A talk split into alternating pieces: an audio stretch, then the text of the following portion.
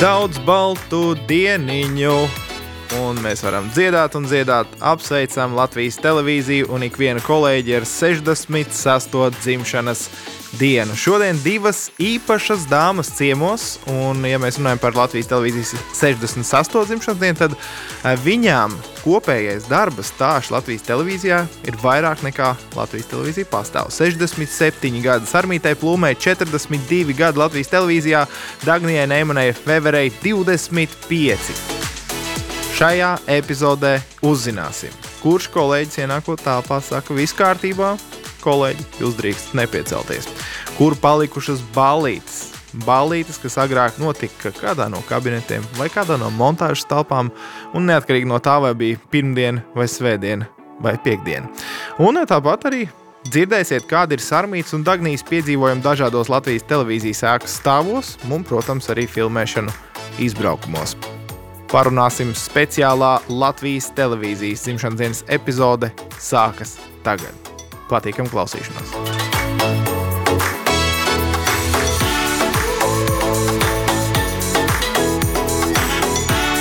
Apsveicu jūs dzimšanas dienā! Paldies. Sevi arī. Tev, tev tieši to pašu, Dagnija, tev arī. Burvīgi, jā, man vispār novembris ir tāds, jāsaka, gandrīz visu iespējamo svētku mēnesis. Un, uh, man pašai nu pat bija vārda diena. Reizē ar Latvijas valsts svētkiem man dzimšanas diena, tad televīzijai manai mīļai darba vietai dzimšanas diena. Manam dēlam šogad 18 tūlīt paliks pēc divām dienām. Tā kā vienkārši lieliski. Wow. Tad Tev tiešām trīskārti Jā, jāapsveic. paldies. Un tev arī tāds pats? Man, Vai tomēr valsts svētku un televīzijas? novembris vienmēr ir ļoti liela darba mēnesis, jo ir Latvijas diena, ir mm, 18. novembris dažādām svētku pārraidēm. Šogad būs krietni ierobežotāk. Tā, ka Man parasti ir ļoti liels darba mēnesis, bet 6. novembris vienmēr ļoti svarīga diena. Jā. Klau, tikko pirms intervijas pieminēju šo skaisto gadu skaitu lasi, no kuras puses grib sanākt 66. Daudz priecājās arī par to 20, 20. Bet beigās tā nu, netik skaists tas gads izvērtās. Jā. Ir uz skaitļiem liela nozīme. Es domāju, nu, ja tu domā tā kā gadu skaitli, man, man nav nozīmes. Man noteikti svarīgāk ir skaitļi, kas iezīmē kaut kādu paveiktu darbu. Tā kā šajā rudenī mēs atcerējāmies, ka provincē ir 25 gadi, piemēram. Man tas ir ļoti svarīgi. Nu, televīzijai jau tuvu pie 70, nu, noteikti svarīgi. Bet tādai numeroloģijai, kaut kādiem gadu skaitļiem, es personīgi nepievēršu uzmanību. Ne. Un ziņdienas tā kā Nu, Ziņu dienests jau arī nu, skaita panorāmu, protams, skaita savus gadus, savu jaunākā brāļa rīta panorāmas gadus skaitam. Um, tagad arī jau mēs varam skaitīt, cik ilgi mēs esam tādi piedzimuši un aktīvi darbojamies sociālajos tīklos, ja kas vēl pirms gadiem kaut kādiem vispār, vispār bija sveša un nezinām lietiem, tagad nevar iedomāties bez tā, ja. Uh, es varbūt tā ar skaitļiem, uh, es pievēršu uzmanību, es, piemēram, pievēršu uzmanību, un tas man no kolēģis ir pielipis, kad uzmet aci vai nu telefonā vai datorā, un tu redzi, piemēram, ka pulkstens rāda 11, 11 vai 12, 12, un izrādās, ka tur esot vesela raķešu zinātne apakšā, internetā var atrast speciāls skaidrojums, kas nozīmē, ja tu regulāri paskaties telefonā pulkstenī, un tas rāda, piemēram, 11, 11, ja? Tā kā tas ir tādas ikdienišķi, varbūt tāds brīžam, kad atslēgtos no kaut kādām nopietnām lietām, tu tā piefiksē, o, atkal tas, bet tā citādi, man liekas, nu, skaitļi iet un mainās, un parasti iet uz priekšu, vai ne, un tā, un tas pats 20, 20, nu, traks jau tas gads ir, jā, nu, traks, arī šī nedēļa ar visām ASV vēlēšanām, jā, kur vēl nezinām, kā tur viss beigsies un kā būs, jā, un nerunājot vēl par visām citām, tā kā mazāk varbūt jāpievērš tā uzmanība tādiem cipariem, vienkārši jādzīvo nost. man vajag palasīt par tiem 16, 16, 15, 15 tālrunī, vai, vai tur jābaidās? Jo man tiešām bieži tā sanāk. Nu, nu, ko lai saku, nu, ko jau zaudēt nezaudēs, palasi. Galvenais ir ticēt, ka tas kaut ko nozīmē. Tici labajam, labāk tas pozitīvi, vēsta. labāk pozitīvi, Jā. tiešām, jā. Jā, labi. Tagad padomājot, tādu, gaidot dzimšanas dienu, zinot, ka mēs šo sarunu ierakstām pirms vēl dzimšanas dienas, bet kādu jūs vizualizējat to kūku Latvijas televīzijas 68. gada kūku? Noteikti ļoti lielu, jo mēs jau esam daudz, daudz kārtās, tādu bagātīgu. Nu, es teikšu, rudens krāsās, kas piederās televīzijai tagad novembra sākumā. Uh, un noteikti tādu, kas tiek da, dalīta ar mīlumu, ar, ar labestību un mīlumu. Dagni? Jā, es piekrītu Sarmītē par to, eh, principā par visiem punktiem, jā, un tas, eh, man liekas, kolektīvs, eh, nevar jau teikt, ka iet baigi viegli, jā, un, un, un televīzija vienmēr ir bijusi pakļauta visādiem vējiem, mums te zaķi salā, ja, kur ir, kur ieskrieties, kā mēs sakam, tiešām pārnestā nozīmē. Un nav bijis arī šis gads viegls televīzijai, tāpat visi šie lēmumi par mūsu nākotni, par iziešanu no reklāmas tirgus, par to, vai piešķirs pietiekamu naudu visam, lai mēs aizpildītu tās vietas ar, ar, ar ēteru, ko aizņem reklāmas un tā. Tā kā es domāju, un arī nu, teiksim, mūsu pašu arī mm, gan valde ir nova, nu, neteiksim, novainātā sastāvā, nē, valdes loceklis, kas Nu, mums ir, samaz- krietni spēj, jā, bet tomēr jā, viņš ir nu, viens, labi, tur ir prokuristi arī jā, palīgā un tā, bet tomēr, jā, un, un uh, tik daudz tiek apkārt lēmti svarīgi jautājumi arī par sabiedrisko mediju nākotni kopumā, par to, kāda būs pārvaldība, kāda būs viss, un, un, un nav viegli, lai gan jāsaka, ka tomēr tie lēmumi, kas ir pieņemti, ir tomēr tādi diezgan labvēlīgi, varbūt skatoties nākotnē.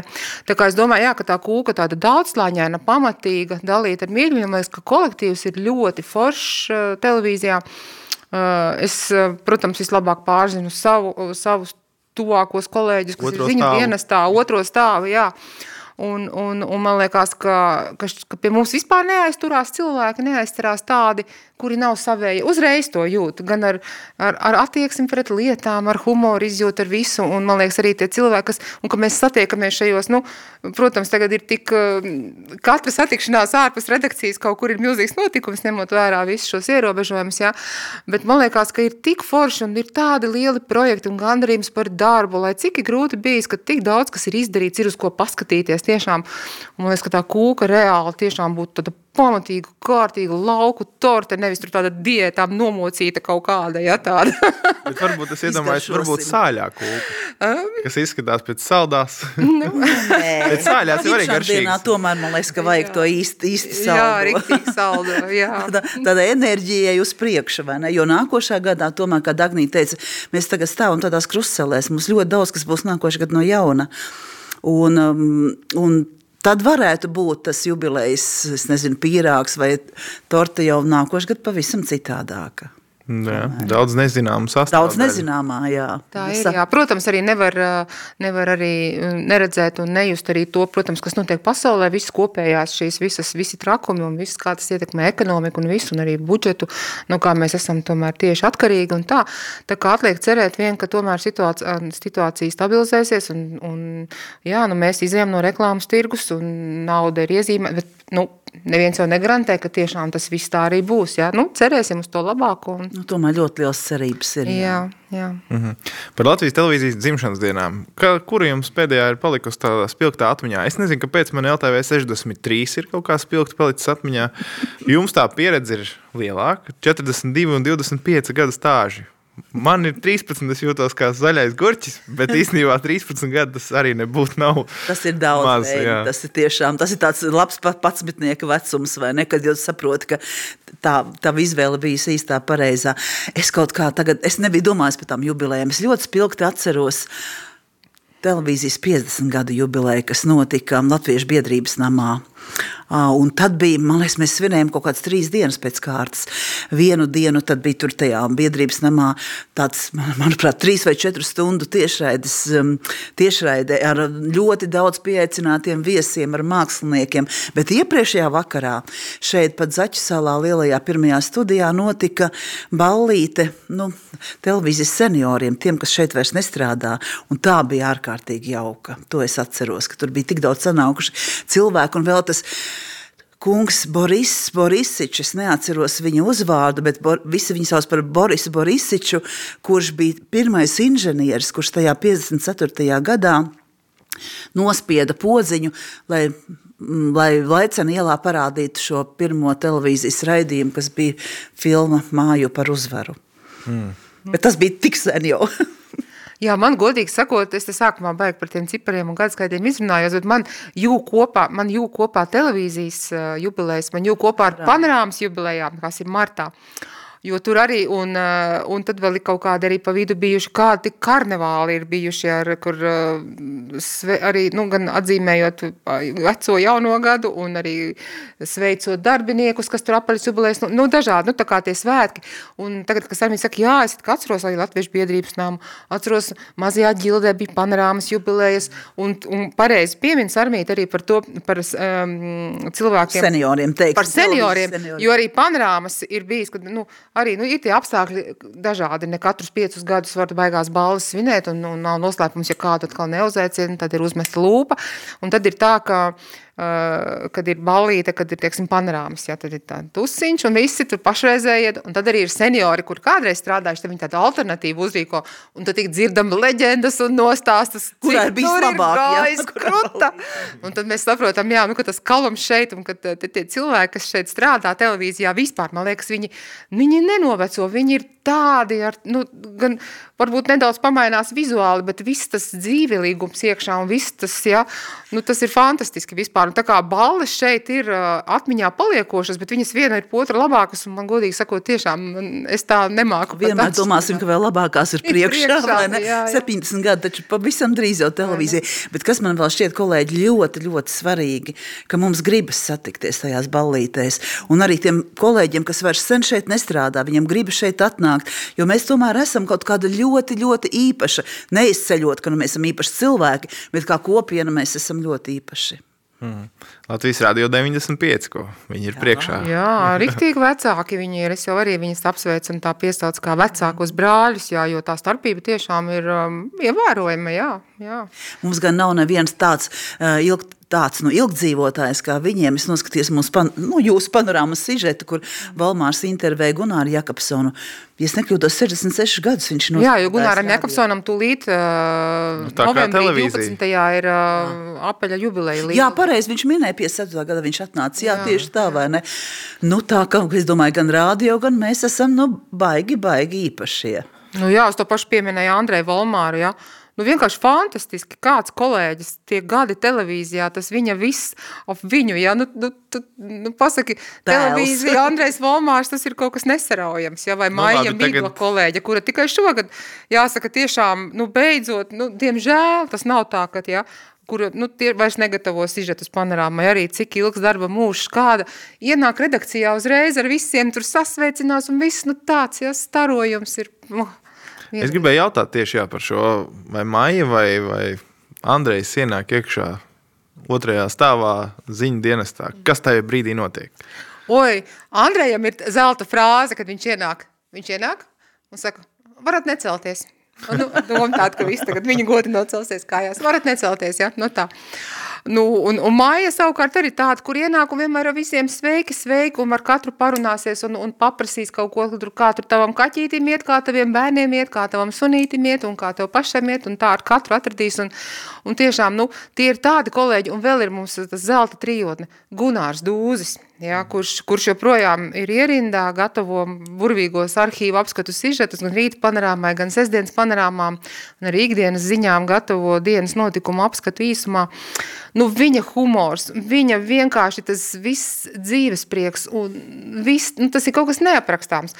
Viņš arī uh, cilvēks, kurš ļoti labprāt aicina ciemos, pie viņa esam braukuši tur uz viņa dārzu, uz viņa pirtiņu, ja Gunārs ir tik, nu, nu, kaut kas mums, mums jaunajiem, es tāšos pateikt, tiešām salīdzinot, ja, kaut kas varbūt nedaudz uh, Kāds pietu. jaunajiem, viņš vēl basīt spēlē vēl pirms viņš gada ar mums kopā. Viņš vēl piedalās velo riteņu braucienos ar kādu Zaporožets, viņš te brauc, ja vēl nesen pie Zaķisalas redzēju Zaporožets ar vecām kokas lēpēm uz jumta un koferu, ā, es saku kolēģē, tas ir Gunārs Dūzes atbraucis. Tā arī bija, jā. Jā, jā, jā, jo viņš piedalās šajos antīko Tādā ziņā nu, apsveicam, ja nu, cilvēkam, jā, nu, bērni ir lieli, mazbērni arī vairs nav jāpieskata, var atkal visu veltīt, atkal, atkal jau visu darbam, ja? un tā, tā kā tiešām uh, man ir tāds prieks, un es tik bieži, bet arī ne tikai panorāmā, arī citviet televīzijā, piemēram, Maija Amoliņa, vai pat Sarmīta, ja? nu, ka vienkārši tādi gadi nostrādāti, bet viss tas tāds, nu, tas labestīgums un tas viss, kas nāk ārā, man liekas, pieredze un viss nu, burvīgi. Es tavu jautājumu gribētu apgriezt otrādāk, Reini, tu prasi prasīja, kas notiek tad, kad ienāk um, um, panorāmas darbistabā nu, mūsu senajiem cienījamie kolēģi. Oh, bet mūsu radošajā daļā, kas viens stāv augstāk virs panorāmas, ienāk tagad ļoti daudz jauni kolēģi. Un tad, ja tu man es prasu pati sev, kas tad notiek, tad es parasti pie viņiem pieeju klāt. Es gribu ar viņiem iepazīties. Es prasu, nu, kas, kas jūs esat tāda? Vai apmaldīties? Ko jūs, ne, ne, ko jūs darat, uz kādu projektu jūs strādājat, vai ne? Un tad ir vienmēr tā ļoti patīkami dzirdēt. Uz pārtiks revidentu nāca jauni cilvēki filmēt mūsu birojā. Mums ir arī administratorītas jaunas, un man, man te cilvēki interesē. Es tiešām viņiem paprasu, kas jūs esat, no kurienes jūs nākat, ko jūs šeit darat. Bet vislabākā nozīmē, tā kā viņas iztincina. Un es tā gribēju nedaudz paturpināt. Um, arī mums ik pa laikam, protams, apaugam ar jauniem projektiem, raidījumiem, ka vajag arī jaunus kolēģis vai kāds no ziņām, no ikdienas darba aiziet strādāt uz kādu citu projektu. Piemēram, Anete Bērtule sāk vadīt šo četru dienu iknedēļas raidījumu. Šodienas jautājums. Šodienas jautājumu. Viņas vietā meklēja arī kolēģi, kas varētu nu, strādāt tā kā uz, uz ziņām. Un tad arī izsludina konkursu, piesakās, daudz piesakās. Nu, tad atlasa, kuri varētu būt kā, nu, tur uz pārunām, tad arī dot kādus darbiņus.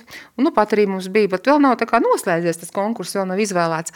Un tad arī nāca pa nedēļām vairāki jaunieši.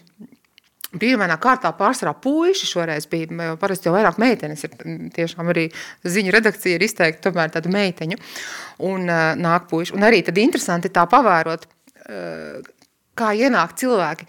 Dažs ienāk tā klusi, tā kā, tā kā es sēžu netālu no durvīm, es arī parasti, nu, es tad pajautāju, pie kā jūs nākat, vai kā, nu, tā kā palīdzēt. Ir tāds, kas ienāk uzreiz, labdien, mani sauc, teiksim, Pēteris, es esmu atnācis, man tur vajag prakse, kur atrodas Rudīte, ja, kurš uzreiz droši pārli, un tu jūti, o, tur ir. Tur jau kaut kas ienāk, iznāks, vai ne? Kurš tā bailīgi, un tā liekas, nu kā viņš aizies un tagad paprasīs kādam kaut ko, vai ne, ka tur... Es, es noteikti būtu pie bailīgajiem. Jā. Pat joprojām man tā ir. Es ieeju pie jums, tur katrs savā datorā ie, ieurbies, nedod Dievs, tur patraucēs. Ingūns ņūri paskatās tādām acīm, liekas, noskanē tevi. Nu jā, tādā ziņā es par tiem, par, par, par, par kolēģiem, man arī vienmēr ir prieks, un es arī tiešām bieži esmu bijusi klāt pie kaut kādu arī gala vārdu, kad paprasa ziņu dienas vadītāju, nu kā tev šķiet, nu tas vai tas, ja, un, un, un uh, kurš tur labāks uz kaut kādu vienu otru posteni, un ka tu redzi, ka tu neesi, nu, Kādreiz ir bijis, ka mēs tur esam kļūdījušies, un ka tas cilvēks tur teiksim, nu, tomēr arī pats jūt, ka nav un aiziet. Bet, kad tu redzi, ka atnāca tāds zaļš gurķis, tā pati Anete, ko es pieminēju, viņa bija praksē vienu vasaru, un sen, nu, tā, sen, nu, tā, kā, nu, tā kā īsti neko. Un nākamajā gadā atnāca atkal, un tad vienkārši tā cits cilvēks, ja? un tad liekas neticami, uh, ka, ka tik īsā laikā kā ir izaugs kāds profils. Šarmīts satika varbūt kaut kur gaitenī. Reini, kā tu uzminēji, ka es gribēju tieši šajā brīdī iestarpināt par Aneti, jo man iznāk ikdienas darbos diezgan daudz tādos īpašos svētkos strādāt tieši ziņu dienesta kolēģiem. Protams, Jānis Geste, Gundars Rēders, Karīna daudz Rubeni. ir bijuši Karīna Rubeni, drusku varbūt mazāk. Un pagājušo gadu uz 18. No, Līva Rauhvargera, tagad -hmm. viņa citā uzvārdā. -hmm. Un pagājušo gadu uz 18. novembri pirmo reizi strādāja Anete. Bērtule kopā ar gestu uz visām 18. novembra tiešraidēm, kur tomēr jābūt pilnīgi citādākam nekā tu esi tur ziņu dienestā. Viņa vēl tāda, tomēr es teikšu, labā nozīmē tāda revolveru žurnāliste, kura paprasīs, iztincinās, izdarīs, tāda nu, nopietna. Un kāds viņai bija iekšējais tāds spēks un pārliecība, kā viņa to dienu visu novadīja, sākot no agro rītu ar dievkalpojumu, beidzot ar savām personīgām emocijām, krasmalā pēc uguņošanas. Es viņā skatījos, kā brīnumā un bija tik ārkārtīgi laimīga, jo es viņu ieraudzīju citādāk. Un es domāju, ka viņa pati sevi arī tajā dienā ieraudzīja citādāk. Un tas man liekas, tas brīnišķīgais, ka televīzija bieži iedod iespēju kaut ko tādu izdarīt vairāk nekā to līdz šim spēja. Vai pilnīgi kaut ko citu izdarīt, vai ne? Nu, es varu pateikt paldies, jā, toreiz, kad es ar, ar tagad tas notika šeit, Innu Gīli, viena no vēsturniecēm, ka arī tieši uz svētkiem, svētku nedēļu strādājot, es braucu taisīt sižetu par, par kara laika medicīnu, iepazinos ar Innu. Novembris 11. novembris, jā, nu jā. Mm -hmm. Tā kā no sporta redakcijas pēkšņi tu attopies pamestās slimnīcā, staigās, mm -hmm. pa, tur, kur spokojās. Bet to es atkal neaizmirsīšu, tu piemini piemina um, Innu Gīli, kur bija ļoti izcila vēsturniece. Toreiz, kā no gaisa nokrita, mēs viņu pirmie parādījām. Ja?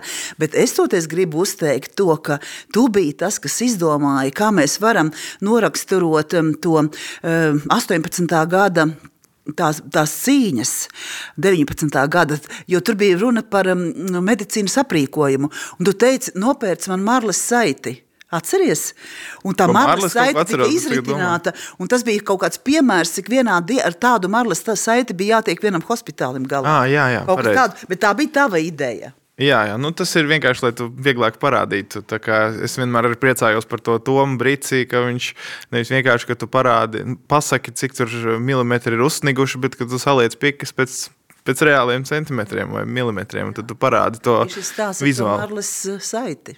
Nu, jā, jā. jā, man vēl, es vēl gribēju piebilst par šo cilvēku izvēli. Tā ir kādreiz, kad arī varbūt tev pašam šķiet, ka ko nes es jau vairāk kā uh, tur divu, trīs minūšu sižetu nepratīšu tiešraida, nē, ka tas nav man, bet ka tiem izaicinājumiem ir jāļaujas un ir labi, ja ir prasmīgs, teiksim, priekšnieks vai kolēģi, nu, kurš, var, kurš pamana, ka ev, šitam kaut ko mēs varam dot vairāk, jā? vai šitas der, teiksim, pamēģināšanai uz ēteru, vai pamēģināšanai kaut kur vairāk uz kaut kādu fokusēties uz vienu tēmatu, vai aiziet uz pētniecības nodaļu, vai tur, vai kā. Nu, tā kā tu atnāc, nu, jo ir kaut kāda loģiskā karjera, ko tu vari veidot, jau, un ir kaut kāds, kuram tu, un viņš atsakās, viņš nebēlās, viņam ir Viņam absolūti apmierina savas sliedas, tas, ko tu jā. dari, jā, kur tu, jā, par ko sliedas, pa kurām tu ripo. Jā, bet mūsu māja iedod tās iespējas. Jā, iedod, daudz. iedod, absolūti. Jā. Jā. Reini, šajā kontekstā tu esi kādreiz savos 13 gados no kaut kāda piedāvāt darba atteicies, ka tev ir bijis bail, piemēram? Mm. Saki godīgi. Saku godīgi. Viens bija, jā, tas bija saistīts ar šlāgeru, šlāgeru aptauju. Uh, Man liekas, toreiz vēl saucās Šlāgera aptauja. Jā, man gribēja, lai es esmu tiesneša kostīmā. Un, un, un, un esmu Vēnspīlī, laikam tas koncerts notikās, un tam tur būtu jābūt pa vidu. Kā, toreiz es tā šaubījos, bet vēl man palīdzēja tas, ka man iekrita vēl kaut kāds darbs. Bet sākumā es šaubījos, es teicu, ziniet, kolēģis, es nezinu, vai es gribu būt tiesnesis, kurš ir šlāgera, šlāgera koncertā kur es vēl nezinu, vispār tā nav mana vide. Un, Bet tu nenožēlo to, ka tu atteici. Pagaidām, nē. Pagaidām. kad man gan draugi daži smējās, ka paies gadi tāpat es tur nonākšu. Kas ir tikai kādā lomā, jā, vai, vai var jau būt. Kas zina, varbūt ar ģitāru. Jā, ģitāru, jā. kādu veltījumu. Bet uh, par to skaļumu, kāds ir mums dažreiz trešajā stāvā, Un es tā neesmu dzirdējis, ka otrajā stāvā. Es tāpēc Sarmītē jautāšu. Mēs tā vairāk esam tomēr nedēļas nogales vai pirmdienas sporta puiši tur tādā pilnākā sastāvā. Tāpēc es pa visu nedēļu nevaru tā pastāstīt. Sarmīt, tu vari pateikt, ir kādreiz dzirdams ziņu dienas trešajā stāvā? Um. Nu, nē, vai, vai mūsu mēs... skaņu nu, jā, jā. Tieši domāju, mēs esam nē, tieši protams, virs jums. Es domāju, ka es arī tur pietiekoši bieži iegriežos ziņu dienestā. Tur ir citādi, tur viss tā zum, zum, zum, tur visi tādi. Mēs esam daudz tādi uz sevi vērstāki. Mēs katrs tur pie sava galda ar kaut kādiem tur, un labi, jūs tur sporta puiši esat vienā mazā kopienā vai ne, vai kultūras ziņas arī tāda čupiņa, bet vispārējie mēs esam tomēr tādi ļoti atsevišķi, jā. Bet nē, nekad mēs neesam dzirdējuši ziņu dienestu no lejas, ne? jā, nē, tagad jau, diemžēl, esam ļoti maz mēs tajā telpā. Nu, kolēģi ir iz, izkaisīti pa visu televīzijas stāviem, kur nu kurš, jā, lai, lai ievērot arī šos drošības noteikumus, un ja nu kāds saslimst, lai tad pārējie var turpināt darbu, kas arī pierādījies, ka labi tiek ar visu galā un tā. Bet, kas arī pieminēja par to, nu jā, jūs esat tajā telpā dažādi, dažādu raidījumu, dažādi cilvēki. Mēs tomēr visi, kas esam, esam patiesībā, nu, de facto varbūt ir tā, ka strādā visu nedēļu uz savu vienu dienu, bet mēs pārējie, kas esam, mēs visi principā strādājam uz šo dienu. dienu. Mēs visi apmainamies to informāciju. Eju, tu tur pamanīji, reku, tas tur raksta šito, eju, man ir nofilmēts tās, eju, es iekopēju, jau tu vari paņemt. Tur panorāma, krievu ziņas, tur viss tādā vienā muģeklī un viss tā.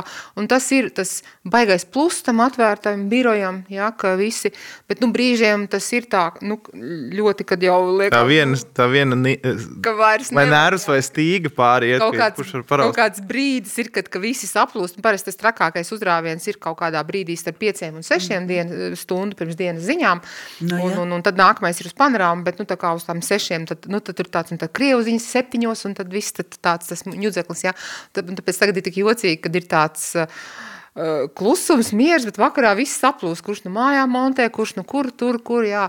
Tā kā, tā kā, uh, ka mēs arī pārcēlāmies, jo mums jau ilgus gadus panorāmai bija devītais stāvs, kad es atnācu, jā. Esam krituši ar vien zemāk un zemākā, saka, jā. Nu jau var no zemāk uz trešo, no trešā uz otro, jā. Pa vidu tur tad ceturtajā tāds mišums bija un tā. Un, un, un, uh, Rīt būs un ar likās, kafejnīcu kā kopā. mēs varēsim, jā, ka būsim kopā ar kafejnīcu, kā mēs varēsim visi tur būt, bet nu neko, nē, un patiesībā ir, ir, ir, ir ok, ir ļoti forši, ka, ka viss ir un tā. Un, Jo un tuvāk tu- izbraukumiem, jo labāk. Taču. Jā, gan arī viens otru redz, un, un tāda ikdienas tā komunikācija, viss, nu, tas tāds neaprakstāms, viss tas veido tādu to atmosfēru, to foršu. Jā, es arī tieši to pašu domāju. Mēs jau esam ļoti dažādas redakcijas kopā, bet ir iespēja, piemēram, to cilvēku ieraudzīt un kaut ko viņam pateikt. Nu, zini, es vakardien redzēju, tur tavā raidījumā to un to man likās šādi, jā? vai kaut ko ātri pajautāt. Ir milzīgi plusi. Es redzu tikai plusus atvērtā birojā. Absolūti. Bet tās pirmās sajūtas. Nu, Es atceros no dažām, dažām kolēģiem, īpaši, jā, kurš teica, Jā, ka nē, nu- vajag savu privātu teritoriju, kā es tagad piezvanīšu. privātums tā kā pietrūkst un tā, un arī mums ir, protams, arī tā, ka uh, bieži, kad runāties izskrien gaitenī, jā, Jā. parunāties, bet arī, arī tiek uh, taisīta arī spē, tāda telpa, kur gan apspriedas rīkot, un, un tā, nu, kas tā kā, jā, vai ieskrien tur vienā otrā kabinetā, nu, kur ir vai montāžas telpa brīva tajā brīdī, vai kur, nu, ka ne, negribās, teiksim, to sarunu, jo bieži vien jau, ka tur nāks tur pierunāt uz intervijām, mēs taču paši zinām, kā ir, vai ne? Un vai kaut kā runāties, lai tur citi nedzird tā. Kaut gan tagad jau tik bieži visa komunikācija notiek, jūs paši zināt, cik WhatsApp grupās jūs esat, ja? Viss tas tā komunikācija, mums tur ziņās arī, man liekas, ka četras tās grupas ir viena, kur principā visas ir saistītas ar darba lietām, bet vienā ir eh, visi, teiksim, tur gan žurnālisti, gan LSM kolēģi, gan operatori, gan kas tur. Otra atkal ir tāda, kur mēs tikai tādas visādas joku lietas apspriežam kaut ko par kā vēl taču mums ir Covid grupa atsevišķa. Vēl ir Covid jā. grupa, jā, ak, Dievs, jā, tā kā spēt to vēl visu un tik daudz, nu, tik sēž un dzirdi, ka kāds ir ķiķina, ā, tu paņem savu telefonu, saproti, kāpēc, jā, nu, tā, tā kā tās ikdiena ir tāda. Bet ziņu dienestā ir tāds drošības līmenis. Iedomājieties situāciju. Es zvanu Gunāram Dūzim, lai noskaidrotu, kur ir panorāmas sižeta arhīvi. Nevis kas ir kasetēs, kur es zinu to telpu, bet kas jau ir digitalizēti. Un tagad eh, tā ir piemēram pirmdiena. Un viņš man apmēram pastāsta apgabalus un tā tālāk. Un tad ir kaut kāda ceturtdiena vai piekdiena, kad es esmu atbraucis jau. Nē, tā man liekas, bija pat svētdiena. Kad bija vispār nu, diezgan klusa ziņu dienests, un es at, atnācu un es sāku jau kopēt tur failiņus, ko man vajag. Un? Un man zvana Gunārs Dūzs tieši tajā brīdī. Es skatos apkārt, kaut kāda kamera vai kas ir, vai viņš kaut kur blakus atrodas. Es paceļu un neviens nerunā. Un? Es, es tajā brīdī domāju, nu, kas tas tāds tagad ir. Normāli. Un pēc tam es viņam atzvanu, viņš saka, nu, es tev nezvanīju. Nu, uzspiedās, laikam. Nu, es nezinu, kāda bet gribi, jā. es tajā brīdī tā saprotu, tā ir šobrīd vandos pa Gunāra Pa svešām. arhīviem. Nedodies, tā kā, visu, ko tev vajadzēja. jā, jā. Tā kā, Tur ir ļoti laba kārtība. Ziņu dienas arhīvā to es arī varu ir tā, apliecināt. tad, kolēģiem informācija. Ieiesiet negaidīti viņa dienestā. Jūs pamanīs arī, kad Gunārs pat nezina, ka viņš man zvanīs un tā tālāk. Klau par to svinēšanu. Pirms tam mēs runājām par tām balītēm, par biedrības un tā tālāk. Tad, kad es atnācu strādāt šeit, tad man liekas, tā bija tāda normāla praksa, ka visu laiku tu ej kaut kur, piemēram, tur. Vienalga, pa kuru gaiteni, un kaut kur var būt kaut kāds mazs tusiņš. Kādam tur montāžas inženierim ir uh, dzimšanas diena, tur ir turpat ir tiek montēts raidījums, turpat blakus ir uzkodas, kāds dzēriens varbūt. un Tā bija tāda pilnīgi normāla praksa, ka, ka visu laiku kaut kur ir kaut kāda balīta. Mums bija rīta panorāmas, lab, labrīt Latvija, toreiz uh, birojas 15. stāvā. Pienāca piekdiena, visi nevis tur tālāk pēc raidījuma skrēja, kur nu kurais, bet visiem bija jāiet augšā. Tur bija pasēdēšana, pasmiešanās par nedēļu, arī uzkodas, arī varbūt kāds dzēriens. Tas bija Un es saprotu, ka tas jau, jau bija tikai tāds palieks. jo Agrāk vēl, vēl trakāks balīts bija bijušas. Un vēl visas tās pīpēšanas, kas ir bijušas montāžas telpās, ko es gan vairāk nepiedz, nepiedzīvoju. Bet tas viss tā baigs strauji aptrūkās. Tas Nu, tā es- laika mainās. Vai? Es domāju, ka tur varbūt arī Sarmīta varēs pateikt, nu, arī ar savu pieredzi, bet, nu, uh, tā, mums arī, uh, atvērtās redakcijas princips, kad ir tā nevis katrs savā strasta būrītī, ja, kā saka, vai kādreiz pa trim, pa četri kopā, bet visi kopā. Un, nu, te gandrīz tiešām katru otro dienu ir kāda vārda diena, dzimšanas diena, ja, un, un kolēģi uh, nes cienestus, bet, ja ir kāda pudele vīna, tad tā visticamāk tā arī paliek, varbūt attaisīta, bet noteikti neizdzerta, un, un es zinu, ka savulaik vienkārši krājās, bet tagad pat jau vairs arī alkoholu nenes, jo tiešām alkoholu Mm -mm, neliet. Nu, ja ir kaut kādas tādas lielas balles, tad, protams, nu, iedzer vai nu, tā. Bet, ja ir tādas, nu, no rīta atnes kādas brokastis, tur kaut kādas foršas maizītes, kliņģeris, sāļo kaut ko, alkohol, nē, nevi, nav, nav vispār. Mm -mm, alkohol. Bet es pat esmu pieredzējusi. Arī, kad es atnācu šeit strādāt, varēju mierīgi pīpēt, redakcijā sēdēju, rakstīt tekstu kājas uz galda, tur pīpēja, ja, tur un, kolēģis blakus tur salāpās jau atbraucis tur no, no, no, no filmēšanas. Nu. Šobrīd liekas neiedomājami. Nē, šobrīd liekas neiedomājami. Jo, jo tā, nu, es teikšu, ka tā ir darba kultūra, kas ir mainījusies. Nevis, ka kāds to būtu uzspiedis, ja, bet tas vienkārši ir mainījies, cilvēki izmainījušies. Un, piemēram, tā kā mūsu birojā, nu, ja tiešām kādam ir jubileja, tad to noliek tur to cienestu virtuvītē uz galda, vēl pat pieliek varbūt zīmīti klāt.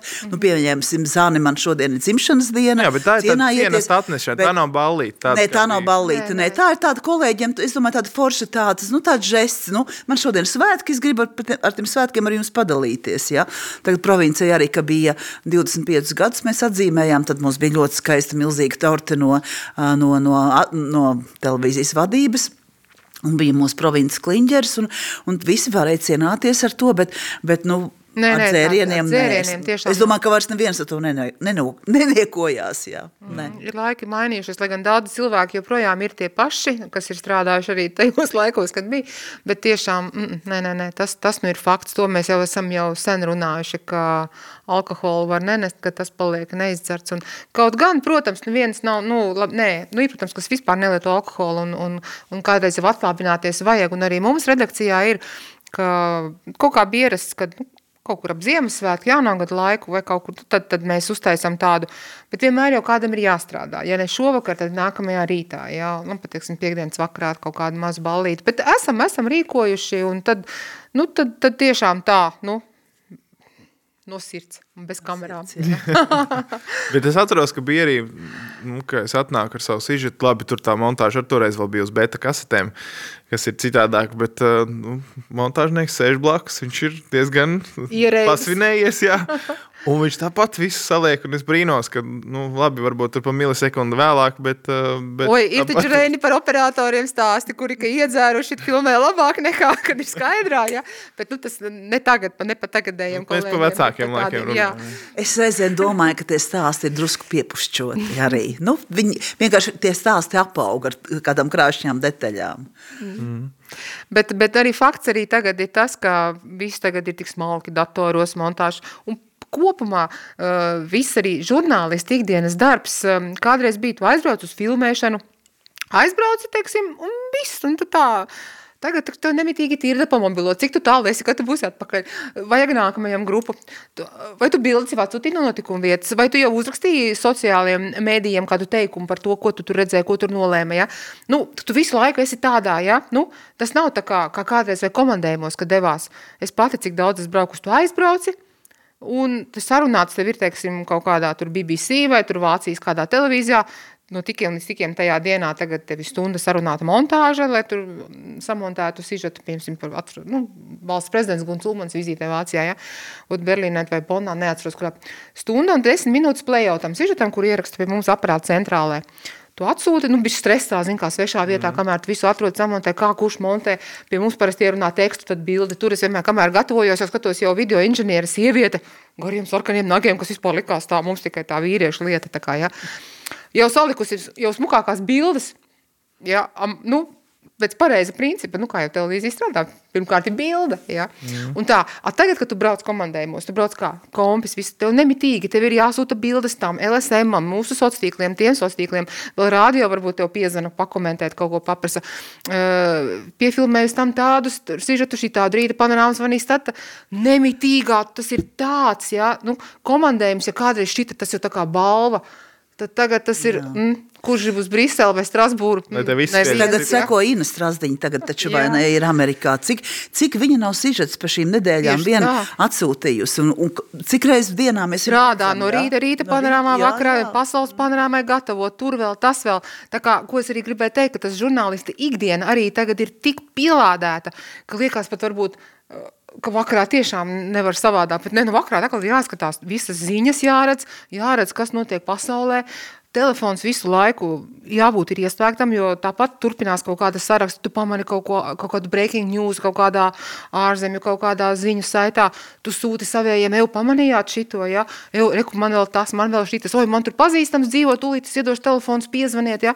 Nu, viss ir nemitīgā tādā, nu. Tāpēc, jā. kolēģi, kur grib doties komandējumos, es jums iesaku doties uz Āzijas pusi, tur viss uz otru pusi. Jā. Un to es ļoti Oi, labi nepiemini izbaudīju. Rēnijā olimpiskās spēles, Jā, viss Korejā. notika ne mūsu laika zonā, tas mums deva vēl papildu.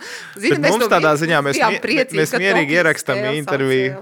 mēs ierakstām interviju. Tu zini, ka vēl kamēr Latvija vēl modīsies, mums vēl ir laiks tur gan samontēt, gan kafiju iedzert tā tālāk. Bet atkal uz otru pusi, jā, nu, Amerikas komandējumi tieši tāda arī bija. Īpaši runājot par draftu, Kristap Porziņģi. Ja oper, es, es priecājos par operatoru, kurš visu dienu ir kārtīgi filmējis, visu dienu skraidījis ar kameru. Tagad viņš man atdod čipu. 12. dienas naktī pēc Amerikas man jau rīta panorāma, jau tagad tā Skype, kad būs intervija.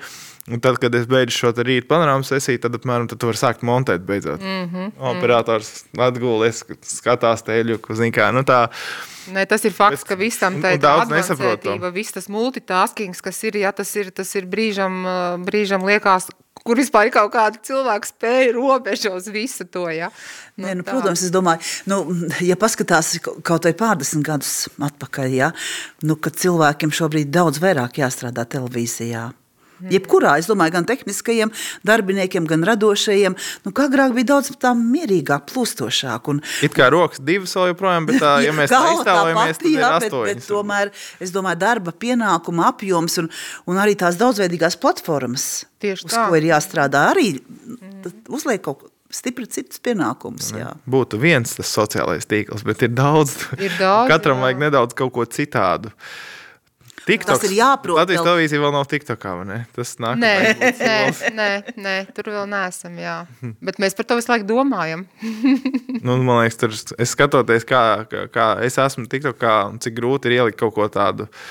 mm, Kas pašam liekas interesants, nu, tur ir baigi jāstrādā. Tā kā, ja, tur Jā. būtu, ja ir cilvēks, tad man liekas, viņam ir jābūt tikai, Tikai. LTV, TikTok menedžers, un tas Jā, arī viss. Viņam nevar būt Nu, Tas cits jau varbūt nākošā konkursā jums jāmeklē. Nu jā, Dagnī. varbūt, jā, varbūt. Nu, pagaidām, protams, mums galvenais ir Facebook un, un, un tā, un tur ir ļoti, ļoti liela daļa, ļoti liela daļa skatītāju. Mēs te uh, sasumējām, piemēram, par, par, par oktobra mēnesi, mm, ka mēs esam veikuši no ziņu dienesta konta 7, gandrīz 800 ierakstus, jā, un, un, un 13 miljoni pāri ir uh, skatītāji bijuši, jā, tā kā, nu, Tas ir ļoti, ļoti iespaidīgs cipars, un, un ar to nevar nerēķināties. Un, un sen tas laiks ir pagājis, mm, kad, kad varējām skaitīt tikai tos lineāros skatītājus, kas parādās, kas tieši šobrīd ir skatījušies, nu, kā tradicionālās tās aptaujas rāda. Ja, jo tāpat ir daudz, kas skatās ierakstos un internetā, un viss Nu, šis jā, kā. Labi, tagad vēl atceroties, varbūt es nezinu.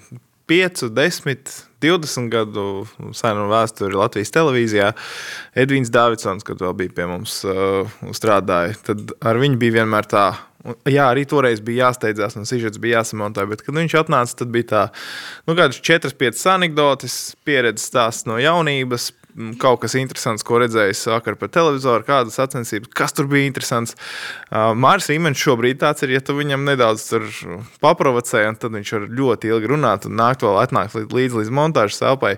Bet tā problēma šodien ir tā, ka nav laika, un tieši tas, par ko mēs tikko runājam, ka tev ir mm, Visi vairāk skrien nekā agrāk, visi vairāk ir vienlaicīgi domās tur vien, vien, ar, ar, ar vienu smadzenes puslodē e-pastā, ar otru, kas man jāieliek Instagramā vai, vai, vai Twitterī, par ko padomāt, vai tur sižets un tā tālāk. Viena telefoniem rokās, ko pat Jā. pīpē tavā, ka Un- un es gribētu teikt, ka pietrūkst tā, tā, tā, tā Cilvēks Parunāšanās. parunāšanās, jā, jā, tā ir. Mm. Arī jums tas ir tā novērojams, jā, ka gribētos. Tā tas ir tā absolūti, Noteikti jā. var. Ēdnīcā, man liekas, ar cilvēku vairāk šeit sēž šobrīd. Vieni paši un ar telefoniem. Es neju uz ēdnīcu.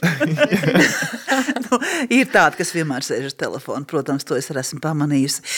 Jā, bet kā to varētu citādāk darīt? Es, es nezinu. Protams, agrāk varbūt bija tādas redakcijas izteiktākas, nu, teiksim, teiksim, dokumentālo raidījumu, izglītojošo kultūras. Man šķiet tā, tā kā tāds vairāk kā tāds atsevišķs šūniņš, ka tie cilvēki arī tā burzījās daudz vairāk kopā, tādā labā nozīmē.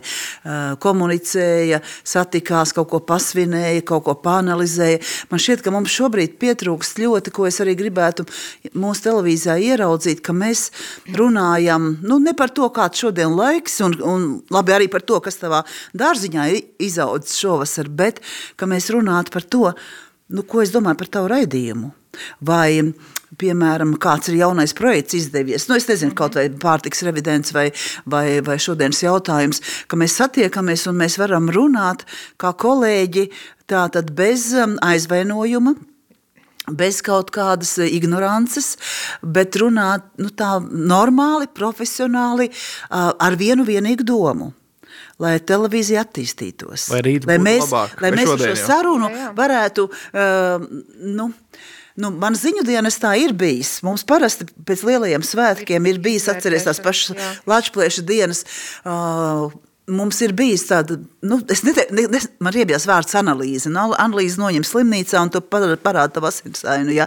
bet ka ir tā kolēģu saruna par to, bet es varbūt varēju izdarīt savādāk, un, un, un es, var, es arī tur paļauju kaut kādu mazu kļūdmi, vai, vai nākošais es varētu darīt savā. Tas man pietrūks. Jā, un, un Sarmīt ļoti labi, ka par to pieminēja, jā, tas ir ārkārtīgi svarīgi, jo um, spēt izstrīdēties kaut līdz asarām, par to, kā mēs varējām atzīt kļūdas, uzslavēt, bet pēc tam kopā aiziet iedzert kafiju un, un tas ir tikai, nu, kā saka, tikai darbs pa darba lietām, ja? Un neaizmirst tās savas kļūdas, neaizmirst jā, jā. līdz nākošai reizei. Gan saredzēt to labo un paslavēt par labo, gan atzīt kļūdas un izrunāt, ja? Un tādā ziņā, piemēram, mums arī ziņās, mums ir ļoti paveicies ar mūsu ziņu dienesta vadītāju Ivetu Elksni, ja, kura ļoti skarbi, tieši nesaudzīgi spēja pateikt, norādīt par kļūdām, par eh, neizdarīto, ja ko varēja.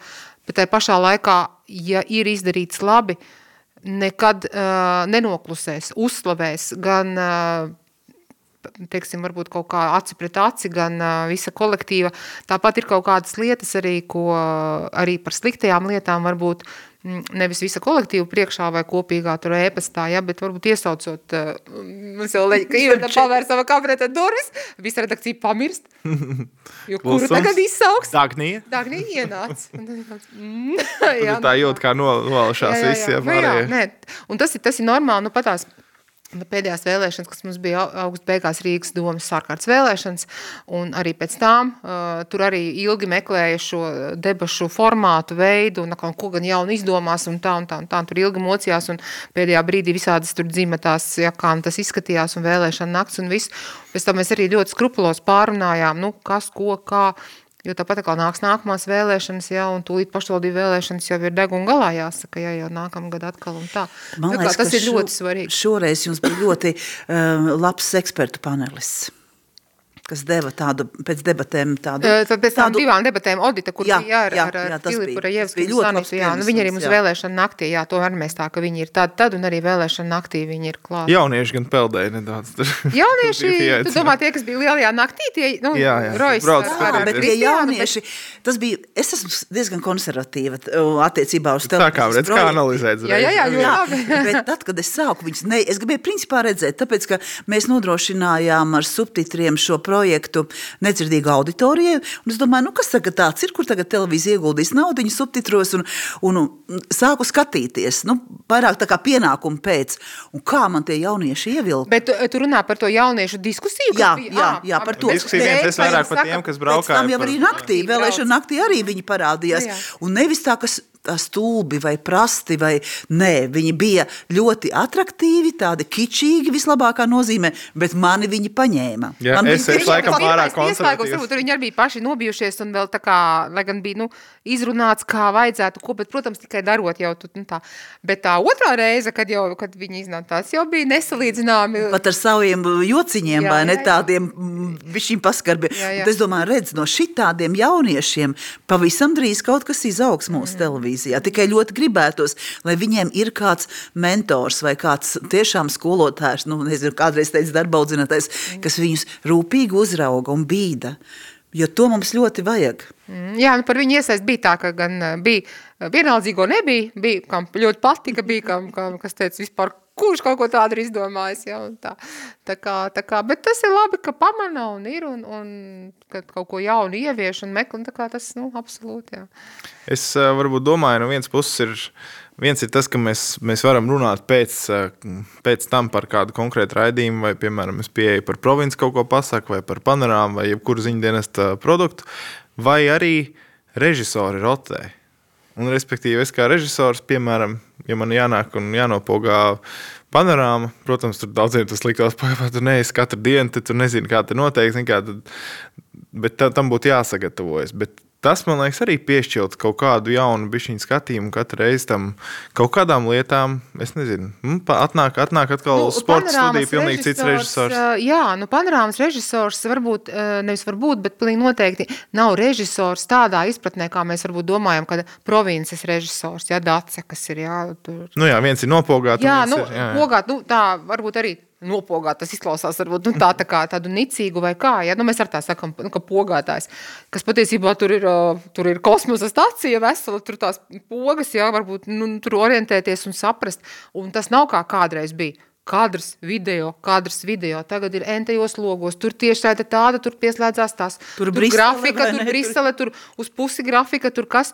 Tur ir jāsaliek bankas un kas. Un tad mm, kādreiz ja bija ā, nenormāla problēma, ja tuvojās atvaļinājuma laiks un kad režisoriem, ka vajadzēja, ja, ka nebija, jo citi baidījās arī nākt un nopogāt panorāmu ziņas, jo vēl laikos, kad es tikko sāku strādāt 90. gadu, tad bija režisors un bija asistents, asistents režisors, jā. kurš arī bija lietas kursā un ja vajadzēja arī leca vietā un varēja arī e, novadīt. Vai tad bija tā, ka viens dienas ziņas režisors jā, vadīja, jo tad dienas ziņas vēl bija desmit minūtes, nav tāds mega raidījums, kā tagad jau ir izaudzis, jā, un tad bija panorāma. Un, un tad varēja, un tad palika, kad ir viens, jā, nu, pa nedēļām. Un tā, vai nu, kad saslima vai kaut kas notika, tagad ir par laimi nu, jau ir vairāki, kas ir apguvuši vai nu spiestā kārtā vai labprātīgi, ja, gan Iveta Stabulniece, gan Liena Žeimunda, un tad, tad mums ir Barba Tuzika un Jāna Zakovica, kas ir uz ikdienas. Ja. Tā kā tas panorāmas, viens ir panorāmas režisora, a otrs, kas ir biets visiem, tas ir video inženieris, kas ētera laikā laiž sižetus, jo tur arī ar labu nevienu tā nevar piedabūt, man liekas, nu tā, kurš tur labprāt aiz, ieliks šajā vietā, ja? Tur arī cilvēki, kas ilgus gadus, ja? jo, jo nu, tas arī tas moments nospiest to podziņu tajā mirklī, milzīga atbildība. Preci, un tagad arī, protams, rīta panorāma ir devusi ļoti lielu pienesumu šajā kadru uh, lietā, gan, uh, un tas ir divas stundas dzīvais ēters, jā, ar, ar vēl vairāk vipendroniem, teiksim, jā. Un, un arī tur tātad ir gan, gan šie video inženieri, kas laiž, jā, un tur visā tajā uh, es, es gribu teikt, labā nozīmē haosā, kas es pati ļoti arī esmu bieži pietiekami bijusi uz rīta panorāmā. Tur ir gan labais, gan sliktais jā, jā, jā. Tā, Teiksim, panorāmas ēters ir salīdzinoši tāds, tāds mierīgs, jo tur tomēr vairāk ir tāds prognozēts, viss jau ir gatavs, ja. Rīta panorāma, tas ir liels ekspromts, ja, tur viss notiek un tā. Tā kā arī tur gan režisori, gan video inženieri tomēr ir šī kadru kalve un, un kas ir apguvuši un nebaidās un vienkārši ir bijuši spiesti to visu apgūt. Jā. Nu, tad, mīļie kolēģi, režisori, ņem savus vārdus apakaļ. Nu, nopogāt, tas ir desmit gadus vecs teiciens, tagad varētu jā. teikt, nodiriģēt pa pogām. Jā. Nu, jā, kaut kā tā, tur varētu padomāt kādu terminu, jā, jā, jā, jo tas, nu, var šis tur būt tur sēž un tā diezgan mierīgi tika pirkstu galiem, tā kā Raimons Pauls iesildoties, jā, bet patiesībā jau milzīga atbildība un, Oi, un nerunāsim nemaz par to, kā tā pults pagājušajā gadā nosvila, jā, un viss, kas notika tur īsi ēterā pirms tam, un, un, un tagad atnes to jauno, un tad, oh, tur sirmi mati, sirmi mati. Katru rītu, un tu nekad nezini, ko tev tehnika no rīta jā, pateiks jā. labrīt, vai ne, nesasveicināsies ar tevi. Tā, nu. Jā, jā, un tas izmisušais sauciens, Aivar, kas tur tehniķiem ir? Jā. Nestrādā tas, Aivar. Tā, kad es... Aivars vienmēr izglāb. Jā, vienmēr, un tas ir arī, jā, šie, šie kolēģi, kas te gadiem zina katru, ka te, te, pa tiem gaiteņiem te kādreiz atver tās lūkas vaļā, kur tie muškuļi ar, Es saku, kāds taču zina par katru to vadu, kur viņš iet, kam viņu tur vajag, ja? Nu, ka tur čibinās, ja tur visi tur kūpošām galvām. Tā ir. Jā, tur ir mums ļoti pieredzējuši kolēģi, kas arī ļoti ilgus gadus strādā. Un es par to ilgadību arī um, Dācis Leiksda, man liekas, tad, kad es sāku strādāt, viņa pieminēja, es neatceros precīzi gadu skaitli, vai tas bija viens gads. Man liekas, ka viens gads. Viņa teica, ja izturēšu šeit vienu gadu, nu tā viss, tad, tad tu rēķinies, ka tā, šī ir tava darba vieta. Entos gadus. Nu, šobrīd pagaidām tāds scenārijs arī izskatās. Un, Un, un tas, ka tev negribas varbūt neko mainīt savā dzīvē, bet tev pati televīzija piedāvā visu laiku kaut ko jaunu. Nav tā, ka tu iesēdies rutīnā. Tas, laikam, ir tā būtu viena no atbildēm, kāpēc mēs varbūt visi, nu, ja var tā teikt, esam šeit aizsēdējušies. Kādam varbūt no malas tā liekas. Ja 42 gadus armijai, 25 Dagnijai, mums ir šoferis, kuram bija 50 gadi. Jā. 50, man liekas, viens vai divi jau. Nu, tagad jā, bet Jā, Jā, jā. jā. Eh, Nu, es domāju, vispirms, Reini, ka tā ir primāri šī darba specifika. Tad, kad es sāku strādāt, tad šī bija vienā, vienīgā televīzija. Vispār Latvijā. Un, ja es gribēju, tad, tad man šeit arī bija jānāk strādāt. Pēc tam jau, nu, kur tad tas tikai izveidojās? Man jau tikai trešā televīzija. À, tu biji. Es tu biju gan pi- NTV5, savulaik pirmais, ko Kārlis Streips uztaisīja 92. gadā, laikam. Un tad pēc pāris gadiem RBS televīzija, kas RBS. bija Elijas ielā, no kuras pēc tam izauga Pits TV un LNT, bet mēs atnācām, un tad Olafs Pūks tolaik bija ziņdienas vadītājs šeit, un viņam vajadzēja Ansi Bogustovu, viņš paaicināja Oditu Krenbergu, un Odita man zvana, viņa saka, Olafam vajag vēl vienu cilvēku. Un es viņam ieteicu tevi, tu piezvani viņam.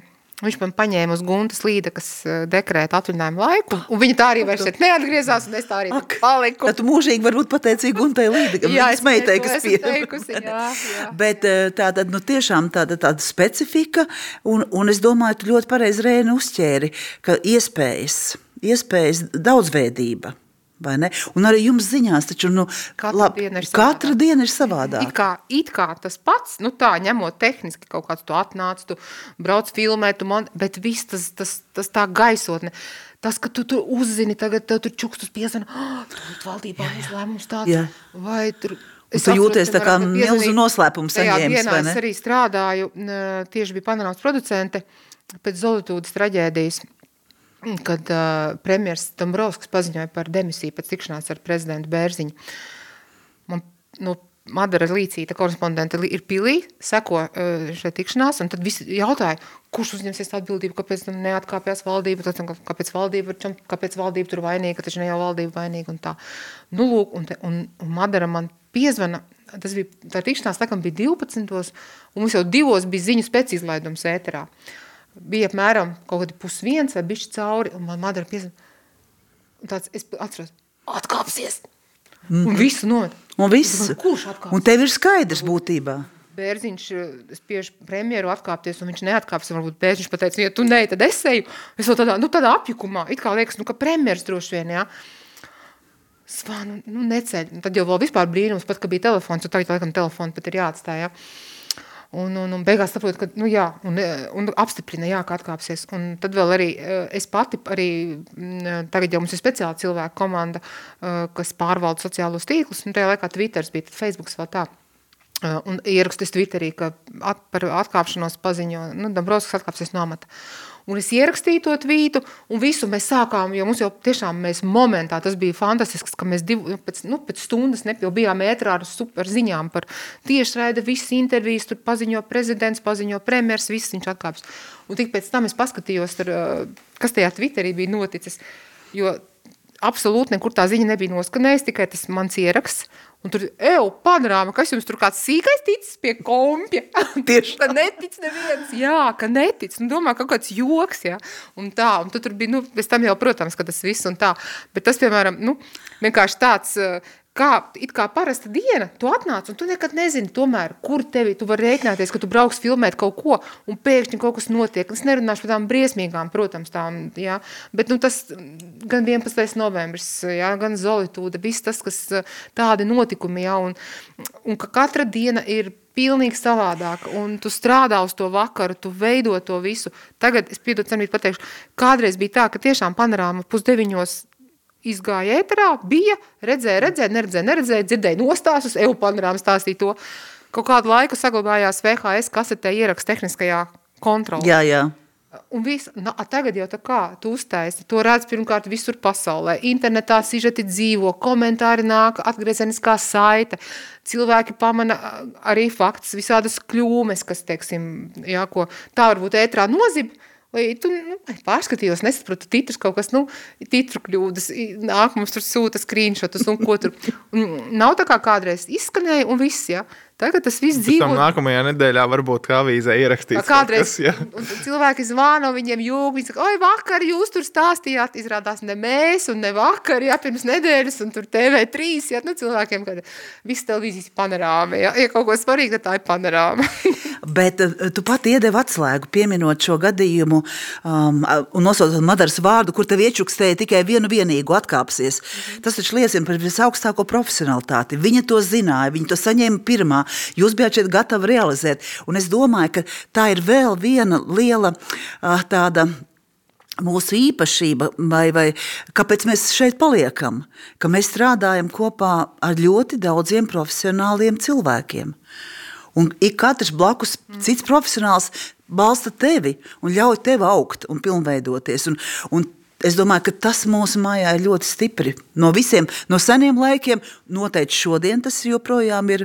Un esmu pārliecināta, ka tas arī paliks. Tā augstās raudas profesionālitāte dažādās jomās, radošajās, tehniskajās, ļoti gribētos, lai tas ir arī administratīvajās, finanšu, no nu, jebkurās jomās. Mm. Jā, man liekas, ļoti arī, arī tas ir simpātiski, ka šajā laikā šogad, kad tik daudz visi tie ārkārtas notikumi, viss, kas bija tas Covid krīzes laiks, ārkārtējā situācija, ka televīzija televīzija nebaidās eh, nezināmos laikos, sēž entie cilvēki, gaida, kad beigsies valdības sēde, kad būs, kad būs tāds lēmums, preskums slēdzās klāt, tur ir sarmīta rūpējās par surdotulkiem, mēs atkal tur par to, par to. Ir, kad es te arī pati skrēju, lūdzu SPKC, lai nedaudz iekavē trīs minūtes, kamēr mums tur, nu, Beidzās, tehniskais, jā, jā, un kamēr tur var, jā, tas notiek, jo arī tur ir ieinteresēti, lai, lai, nu, informācija aiziet ētrā. Ir daudz cilvēku, kas zvana, kur ir mīls ieslas, ko jūs sakal to valdības preses konferenci. Vakardien vai aizvakar mums bija kārtējā tā preses konferences tiešraida.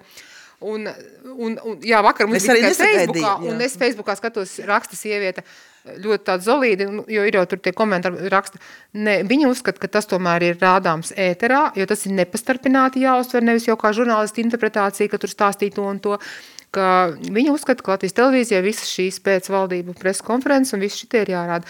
Un tā kā, nu, tas ir cik cilvēki, tik viedokļi, ja, un, un man liekas, tas ir ļoti labi, ka televīzija nebaidās un cērt pušu, varbūt tur zaudē kaut ko no reklāmām vai kaut ko vai kā, un tur viena tāda skatītāja neapmierināti, bet, nu, ka tomēr uzskatot, ka sabiedrības interesēs ir zināt visu jaunāko un tiešām nepastarpināti, ja, un, un tik daudz cilvēki ir iesaistīti, un tas nemazums izmaksā, ja, visas šīs tās pat stundas, un tā kā, nu, tā kā man liekas, tas ir ir tāds um, komandas milzīgs darbs, komandas darbs, komandas jā. darbs, kur katrs viens izdara, ja, un viss tas, kā man mamma saka, ka viņa tieši par mani saka, ka tu esi tāda maza skrūvīta lielā mehānismā, nu, kas ir absolūti pareizi, ja, ar kaut ko savu, lai notiktu, lai būtu vakarā panorāma, vai lai būtu tur, nezinu, tur vēlēšana nakts, vai tur notiktu kaut kas un tā, ja?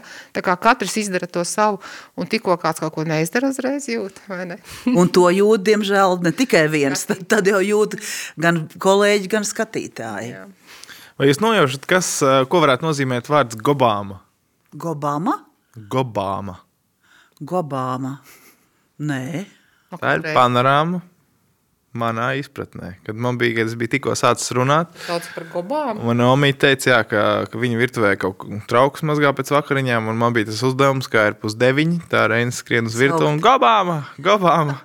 nu, protams, viņa Nu, es, es laikam savā prātā domāju, ka es seku panorāmu, bet Jā. man bija gobām par to mm, panorāmu tagad no astoņiem, bet, bet panorāma ir jau entos gadus un, un, un varbūt savēlkot paralēls ar citu raidījumu, kas arī sākas uz P burta, bet province, braucot pie tiem cilvēkiem visu šo gadu laikā, arī viņu noteikti dzīves sastāvdaļa ir vakarā tā pati vecā labā panorāma. Ne? Bija kaut kādi vienmēr arī cilvēki, kas kaut ko nokomentē tieši par to raidījumu. Nedomājot par to, ka jūs šodien filmējat viņus, bet ir tāda, ka. Nu, es domāju, ka agrāk, nu, tiešām pirms kādiem gadiem, 20 cilvēki ļoti daudz vēl vēstules rakstījuši televīziju. Atcerieties, Dagnī bija mums tāds raidījums, nu, tas jau laikam pirms gadiem 30 dialogs, kas bija tātad um, cilvēki rakstīja jautājumus, komentārus, lūdza kaut kādas dziesmas un raidījums dažādus sižetus izveidoja. Tur man liekas, simtiem vēstuļu katru mēnesi rakstīja. Un arī Nu, es domāju, ka panorāmā ir bijis ļoti daudz skatītāju vēstuļu. Jā, jā. Nu, tagad ir citādāk. Tagad ir tiešām kāds tev kaut ko ātri iesit kaut kādā tur, vai ne, sociālā tīklā, vai, vai atsūta īziņu. Tā, tas ir daudz tā īsāk, garām skrejošāk, bet es domāju, ka kopumā tā interese un vērtējums arī nesamazinās. Par panorāmas, tā kā panorāmai bija, es samelošos, bet nu, pirms nesen, tad kādai apaļā jubilējā. 60, man liekas. Karīna. Jā. Mm, vai tas, bija, vai tas uz 55 varbūt bija, ka bija tāds sižets, ka vakarā pusdeviņi, mm, panorāmas sākums, Un, pan, un Karina Rubene bija aizbraukusi kaut kur ārpus Rīgas, un tāda māja daudz dzīvokļu, tāda trīsstāvu vai kaut kā. Un viņa staigāja burtis pie dzīvokļiem, zvanīja, ko jūs tagad skatāt, nu, ko, ko jūs darat, ko jūs skatāties. Un tur bija tā, ja. nu, ne visi, jā, kur ir pusdeviņi, ir panorāmas laiks, ko jūs skatāties. Un tad ar tur, nu, ka panorāma, ka, oi, nē, ka tur degpunkti, ja, vai kas nu tajā laikā. Un tā, bet, bet, nu jā, tā ir.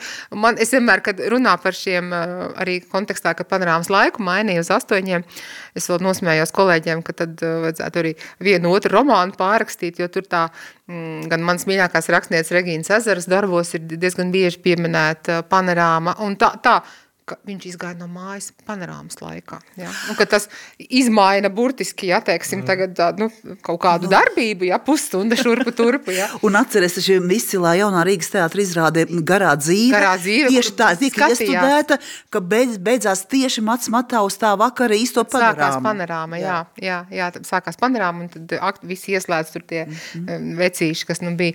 Tā kā, jā, ir, ir, ir, ir tādi vairāki. labā nozīmē milzīgi brendi, kas nemainās, kas mm -hmm. -hmm. joprojām ir. Varbūt vajag tomēr saglabāt 20, 30, lai aiziet galviņa vēlreiz. Vismaz tiem, kas vēl joprojām par spīti grib dzīvot vecajā. Ja nu gadījumā uz, uz teātris. Nu, tur aiziet galviņa ja? šodienas jautājums, un tur Anete un daudziem tas liekas tas pats, kas uz deviņos ir tieši šodienas, man liekas, 20, nu, 40. Trīs, nu, divās kaut kur tā, jā, jā, tādā, tādā, tādā laikā, jā. tā kā, tā ir. Jā, par, par piedzīvoto komandējumos Tu, tu teici, ka tu arī esi bijusi, bet varbūt Latvijas komandējuma tāda, nu, tāda izbraukuma vairāk tāda. Ja mēs daudz runājam ar kolēģiem, tad Sārmītē te būtu daudz vairāk pastāstīt noteikti jā, par to, ka mm, jūs arī jā, braucāt noteikti uz vairākām dienām ar, ar visu No, mēs ar visu to siņu. Ar visu to, kas izriet no tā. Ja? nē, nē, parasti jau mēs ar provinci braucām divu dienu komandējumos. Jā, un, un tad, um, nu, protams, ir dienas darbs un arī vakara sadzīve, sadzīves puse. Un, un tā arī vienmēr jānovērtē, jo tā arī veido savu tādu, tādu komandas garu. Un es ne, nekad neteicu, ka tā ir tikai kaut kāda plika uzzīve vai kaut kas tāds. Ne, bet tu, nu, tu esi viesnīcā, tu sanāc vienā istabiņā, tev ir ar ko parunāt ar, ar kolēģiem cilvēkiem. Nu, ir cit, citāda atmosfēra. Tu esi pilnīgi, un kādreiz ir bijis tā, ka arī kāds no tās dienas um, varoņiem pievienojās, un tad tie stāsti turpinās vēl, un, un liekas, visi grib tev pastāstīt, kas ar mani notiek, un, un tev tik jāsēž un jāklausās. Ja, bet, Bet nu, tagad jau man liekas, ka daudz mazāk brauc komandē. Nu jā, nu mums tādos ar, teiksim, ar palikšanu naktī Latvijas mērogā Es domāju, tikai kaut kur saistībā ar kādām vēlēšanām, kad, teiksim, pašvaldību vēlēšanas, kā aizbrauc uz divām dienām, lai atspoguļot, piemēram, tur liepāju vai kaut ko Daugavpili un tā. Bet tas tā, nav nekas ekskluzīvs, tas viss piedar pie darba. Tā, ikdienas ir tā, ka no rīta izbrauc un, kā, nu, vakarā ir atpakaļ un montē vai pa ceļam kompī samontē un sūta, ja, bet, bet, nu, protams, eh, vienmēr jau ir forši izbraukt ārā no Rīgas un mēs jau cik arī varam tomēr, nu, cenšamies, nu, braukt ārā no Rīgas un tā. Jā, bet man pašai pa Latviju tiešām, nu tā, tā kā komandējumos, ne, man, kas atnāca uz panorāmu strādāt, Tik uz ārzemēm. Jā, tā bija tas laiks, kad Latvija nebija ne Eiropas Savienībā, ne NATO, tad mēs bijām tikko, tikko vispār, un tad uh, viss tad bija tās, un tad jau bija, nav jau kā tagad, zin tā, ka tur prezidents, tad jau bija čarters, tur prezidents, ar tur Latvija vai arī Baltics nemaz nebija, jā, tur Jā. ir lidmašīna, un tad tikai tur ir prezidents, un, teiksim, nezinu, Kaut kāds 20 svīta un žurnālisti vēl tur kādi, jā, un tad ir uzņēmēji. Nu, tad tur bija vispār čau, jā, un, un, un tiešām ļoti intensīvi, tad bija, tad bija Gunts Ulmans bija prezidents, un premjeri tur mainījās, gan Kristopāns un Krasts, un tad bija tā, bezmaz, te jau panorāmā bija Gans Titovs kolēģis vai Uģis Vidauskas, tiem jau bija jau, jau līdz kaklam jāsaka jau viss, un tad viņi bija priecīgi, ka atnācām es un Odita, un tad mēs varējām braukāt līdzi. Un kā jau minēju, tas jau no, no arī nogurdinoši. Tu brauc uz svešām valstīm, tad tur pa tām televīzijām jāparās, tur ar svešiem cilvēkiem jāmontē, jāstāst, kas tu esi, ko tev vajag, kamēr tu tādā BBC tiesa līdz kaut kādai montāžai. Tur jau stundu vēl jāierēķina. Ja? Un, un, un, Bet es izstāstīšu, ja es varu ātri vien par Ulmanu, es jau pieminēju par Vāciju. Var, jā, man arī pa prezidents tā. Jā, un tas bija tātad mēs vizītē kaut kādas piecas dienas, tur Bonna, kur pēdējā diena Frankfurtē. Un Latvijā tolaik nebija premjers vai bija tikko vēlēšanas notikušas, bet vienmēr sakot gaidīja, ka- un tā bija tā reize, ka parādījās pie afāšņa Andris Šķēle, ka runāja, nu, ka kaut, nu tad neviens nezināja, nu kaut kāds Šķēle, kaut kāds Šķēle. Tagad Ulmans ir no rīta Frankfurtē tikšanās viņam ar pilsētas mēri, sievieti mērs, ja? Un, uh, un, viņš, un mēs tagad zinām, ka viņš pateiks, viņš pateiks tagad, kuram viņš uztic veidot nākamo valdību. Mobilie telefoni, tas ir 90, uh, Kols bija Vācijas kanclers, nu tad, tas ir 90, kurš tur gads. Mobilie telefoni, mums bija no žurnālistiem vienam, no viena Krievu laikraksta, vienam bija tāds pamatīgs pārnēsājumais. Un tagad, un tagad Ulmanis nāk, viņš nāk smaidīdams ar to sievieti blakus. Viņš saprot, ka mēs visi tūlīt klupsim virsū, prasīsim par to premjeru, viņš tā smaida un Latvijas pieklājības pēc paprasiet viņai kaut ko par šo tikšanos, un pēc tam es jums visu pateikšu. Mēs tā kā tur ātri kaut ko viņai tur tralalā, un tagad par to šķēli un tā. Un, un, un es izlūdzos tam Krievu avīzes žurnālistam, ka viņš man pirmai iedos mobilo, lai es piezvanītu uz, uz redakciju. Dans Titovs bija producents panorāms, es piezvanu, un tad jau, tad jau tas, tas telefons, tas bija kosmos. Es kaut kādu Andriu Šēli nosauc par premjeru, neko vairāk nezinu, tā kā meklējiet. Nu tā, vakarā es vienkārši biju atpakaļ, tad es ieliku to vietu no Ulmaņa, ko viņš saka, jo nebija jau iespēja atsūtīt uh, tavus montāžas limits uh, Bonnā vai kur bija iztērēts, ja? jo tā bija pēdējās dienas rīts, vakarā jau es biju Rīgā, tad es iedevu to Ulmaņa citātu, es vēl nesen arhīvā noskatījos, kur viņš pamato, kāpēc, ja? un tas bija tāds, tāds, jā, tāds, tāds vesels piedzīvojums, jā, kā Andris Čēli, kas tas tāds ir, jā, un tad kolēģiem šeit bija ko rosīties. Tā. Mm.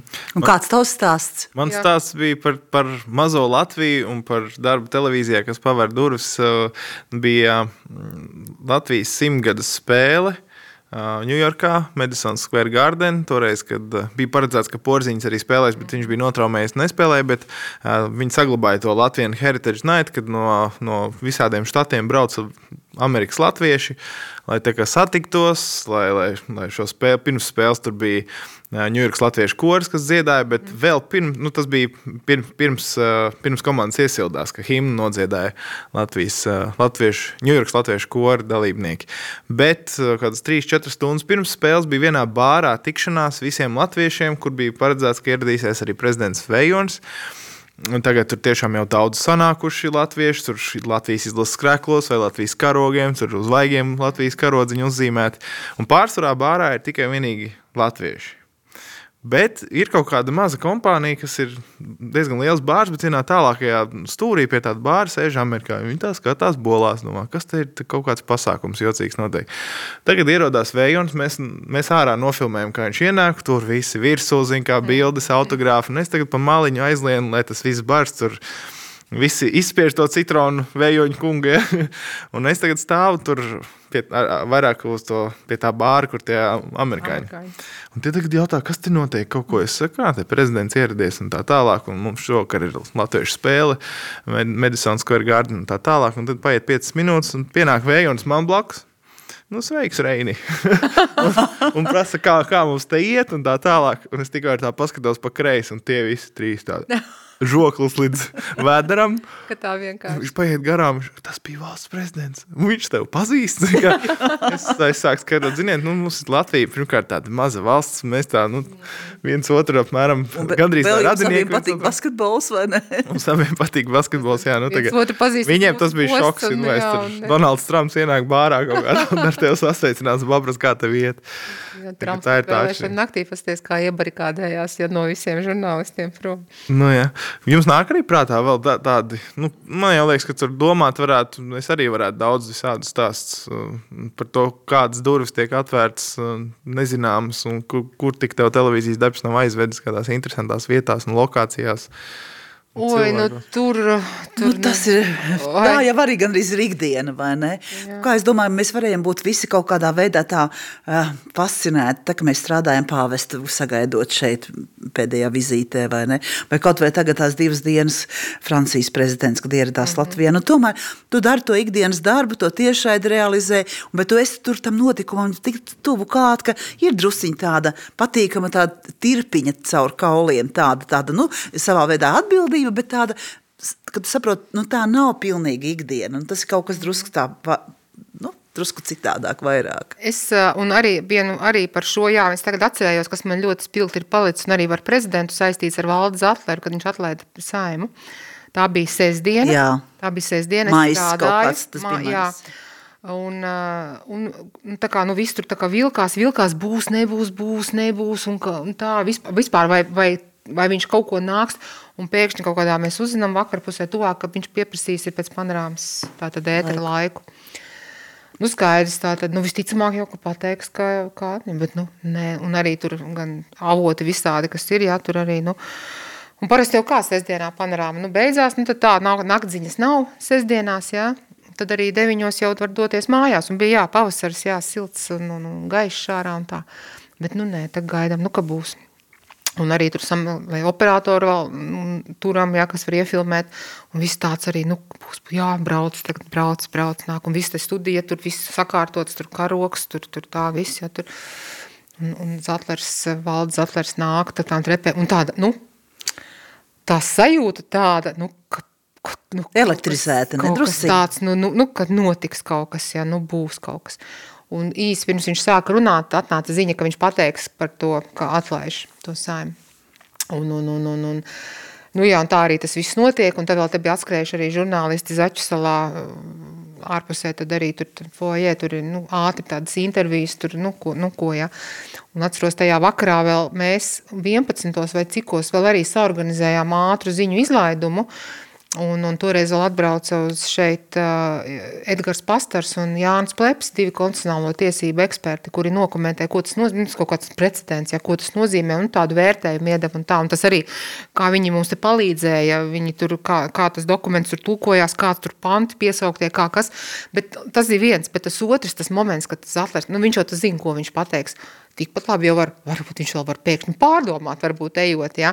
bet es saprotu, ka viņš izejot no pils vēl pat nebija zinājis, ko viņš, bet braucot uz, viņš bija piezinījis sēmas priekšsādētājai, toreiz Solvitā Blotiņa, un bija pateicis, nu, tā, ka, ka, tomēr, nu, ka jā, kad kā atlaidīs.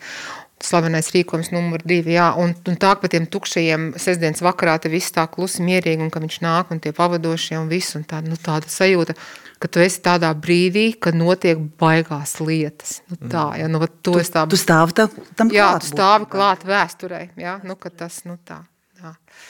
Tā kā tas tāds, tāds baigais tāds, tāds stāsts, jā, no pieredzes. Protams, ir visādas vēlēšana naktīs bijuši visādi tur dunči mugurā, kā tur repšas, nu, visādi tādi, kur, nu, pat nevar atcerēties, tas ir tik daudz vis kaut kas, jā, un visādas tās mega tās arī nelaimes, diemžēl, kā saka, slikta ziņa, vai ne, tā ir ziņa priekš žurnālistiem, jā, tā pati, starp citu arī tā, un es pat nezinu, kāpēc man tā ziņa atnāca, kad notika Zolitūdas, jā, traģēdija, Man tajā dienā nebija panorāma, man bija četras istabas raidījumi, ceturtā studija, tagad tad arī piepalīdzēju no redaktora puses, un, un es sēdēju, gatavojos viņa ētrā pēc dienas ziņām, un tagad bez desmit sešos apmēram man atnāk īziņa, Man pārsūtīja Ija Circene, viņai bija vukts atsūtījis, jo, nu, kā rīta panorāmē tomēr tie kontakti ar, jā, kad priedēnas ielā, nu tad bezpersonu, nu tā kā bezkaislīgi, kā jau tur adresē tādā, iebrucis jumts, tik kvadrātmetri,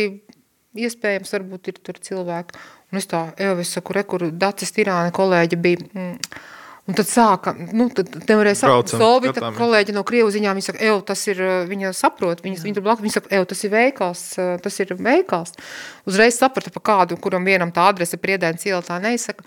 Un tad jau vēl nebija tās, eh, tikko, tikko bija tie strīmi mums parādījušies, tie vēl nebija mobilie, nu, kad ar tā, tā vēl vadus atnes, atnāca, taisījāmies strīmot, atnesa garu, garu muškuli, milzīgu ar vadu, lai, lai tur pieslēgtos dzīvoklī un braucām un strādājām, tas ārprāts tās dienas vispār, jā, to tur atcerēties.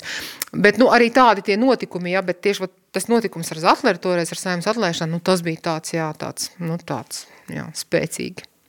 Mm. Labi, no, nobeigsim ar to atkal atgriežoties pie dzimšanas dienas, bet uh, negluži apaļās 70.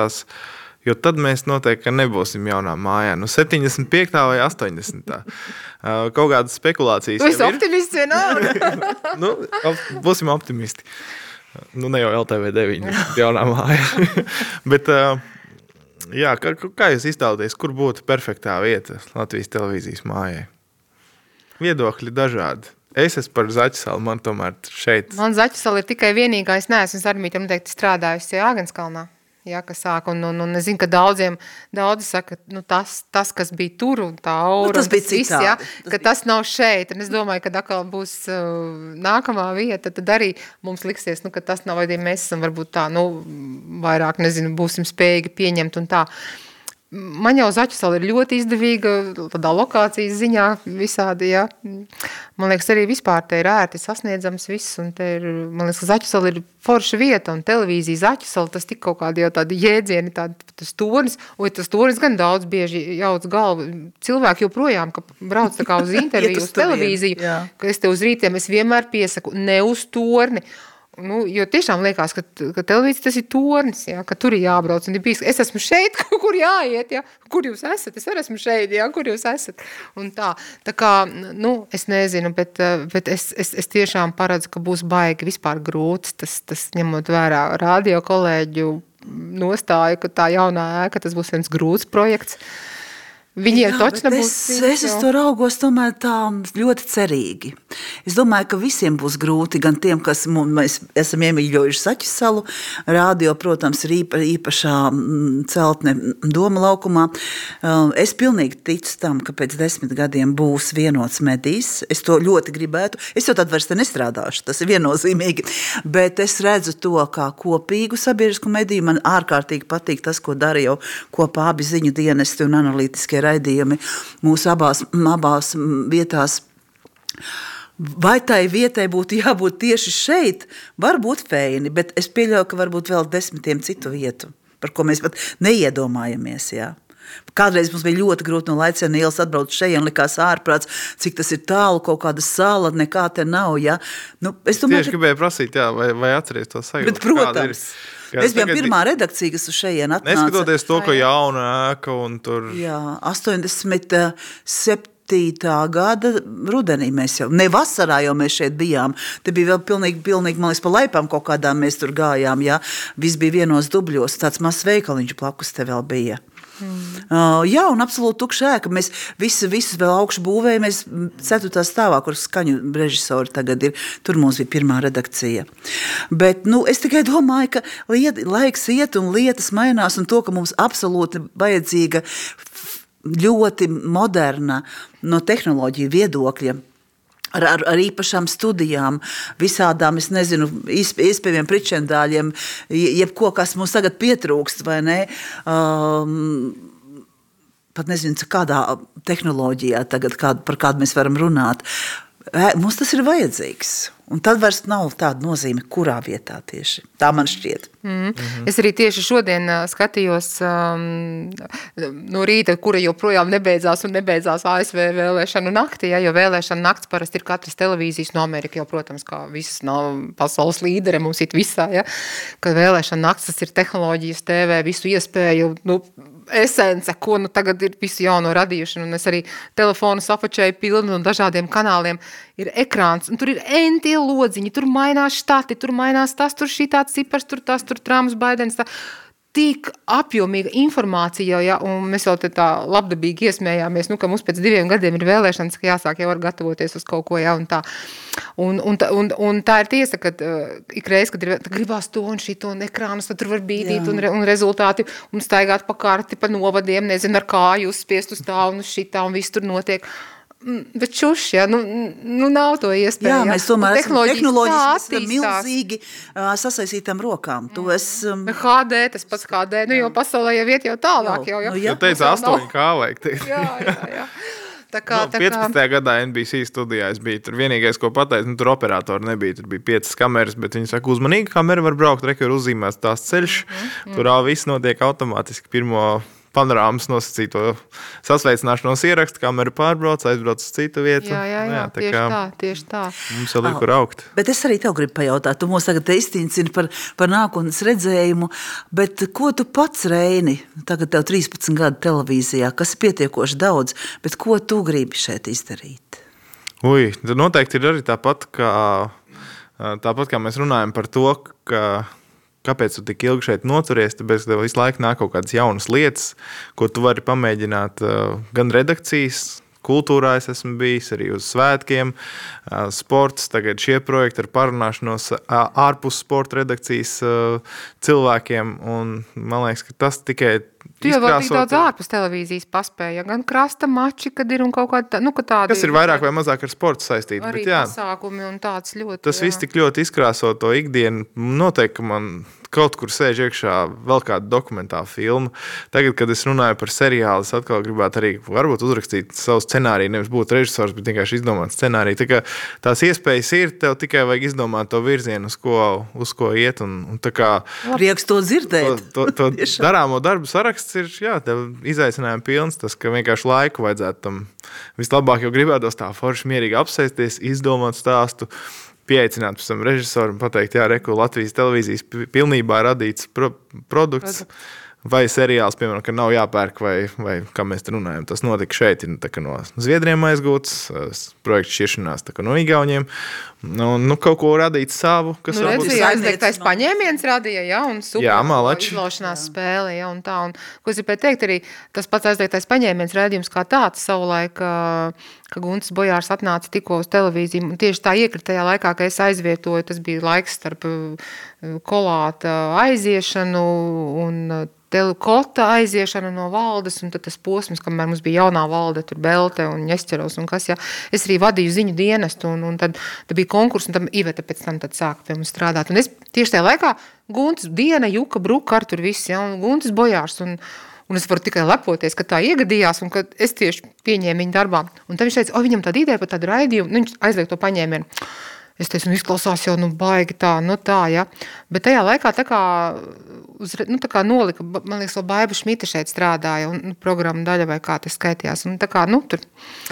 Un tad nāca viss tas, viss tas jaunais, ja, un nu, saprata, jā, ka tā, ka tā ir, nu, tas nav lēts projekts, bet ka tas rulē. Ar ko es gribēju teikt, ka labām idejām vienmēr atradīsies arī finanses. Ja? Un man liekas, ka televīzijas vadība pēdējos gadus, viss, kas ir, ja, tagad ir ļoti atvērta, pretīm nākoša un kādi projekti, tas pats aizliegtais paņēmiens, Fra Francis, tā kafejnīcas visa lieta, kur jūrmalā viņi uzturēja, ja?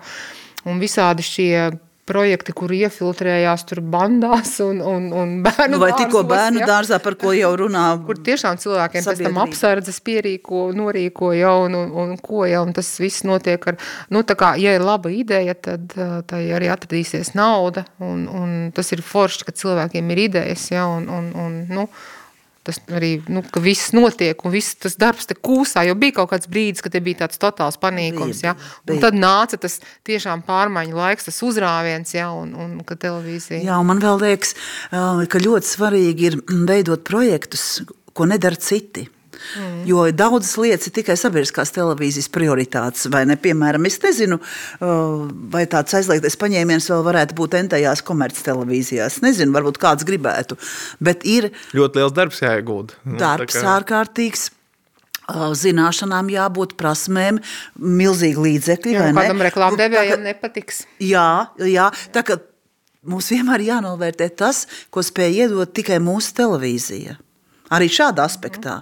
Mm. Ka mums ir, mums ir brīvas rokas, vai ne? Un tas Pareizi? ir tas svarīgākais, kas arī jāsaprot, ir nu, sabiedrībai. Ja? Jā. Ka tā ir jāstrādā žurnālistiem. Viņam nav jāuztraucās par to, ka vai tur reklāma pēc tam pirks vai nepirks tas vai šitas. Ja? Ja tur ir nepatikšanas, un tas ir jāparāda, tad tas ir jāparāda. Nav svarīgi, ka viņš ir televi, nu, teiksim, kaut kāds liels sponsors projektam vai kam. Ja? Un tas, tas ir visādā ziņā brīva, un tikai redakcija nolem, tikai no rīta nolem, teiksim, panorāmas redakcijā, lai kā kādam gribētos domāt, ka tur zvana Soros vispirms un Putins pēc tam no Kremļa vai otrādā, kur diktē, ko filmēt. Ja? Tā nav, tikai, tikai mēs paši tur to izlemjam, ja? un tā, tā tām lietām ir jābūt un jānotiek. Paldies, dāmas! Es noķēru svētku sajūtu. Daudz laimes tev! Dzimšanas dienā Latvijas televīzija, mīļā Latvijas televīzija.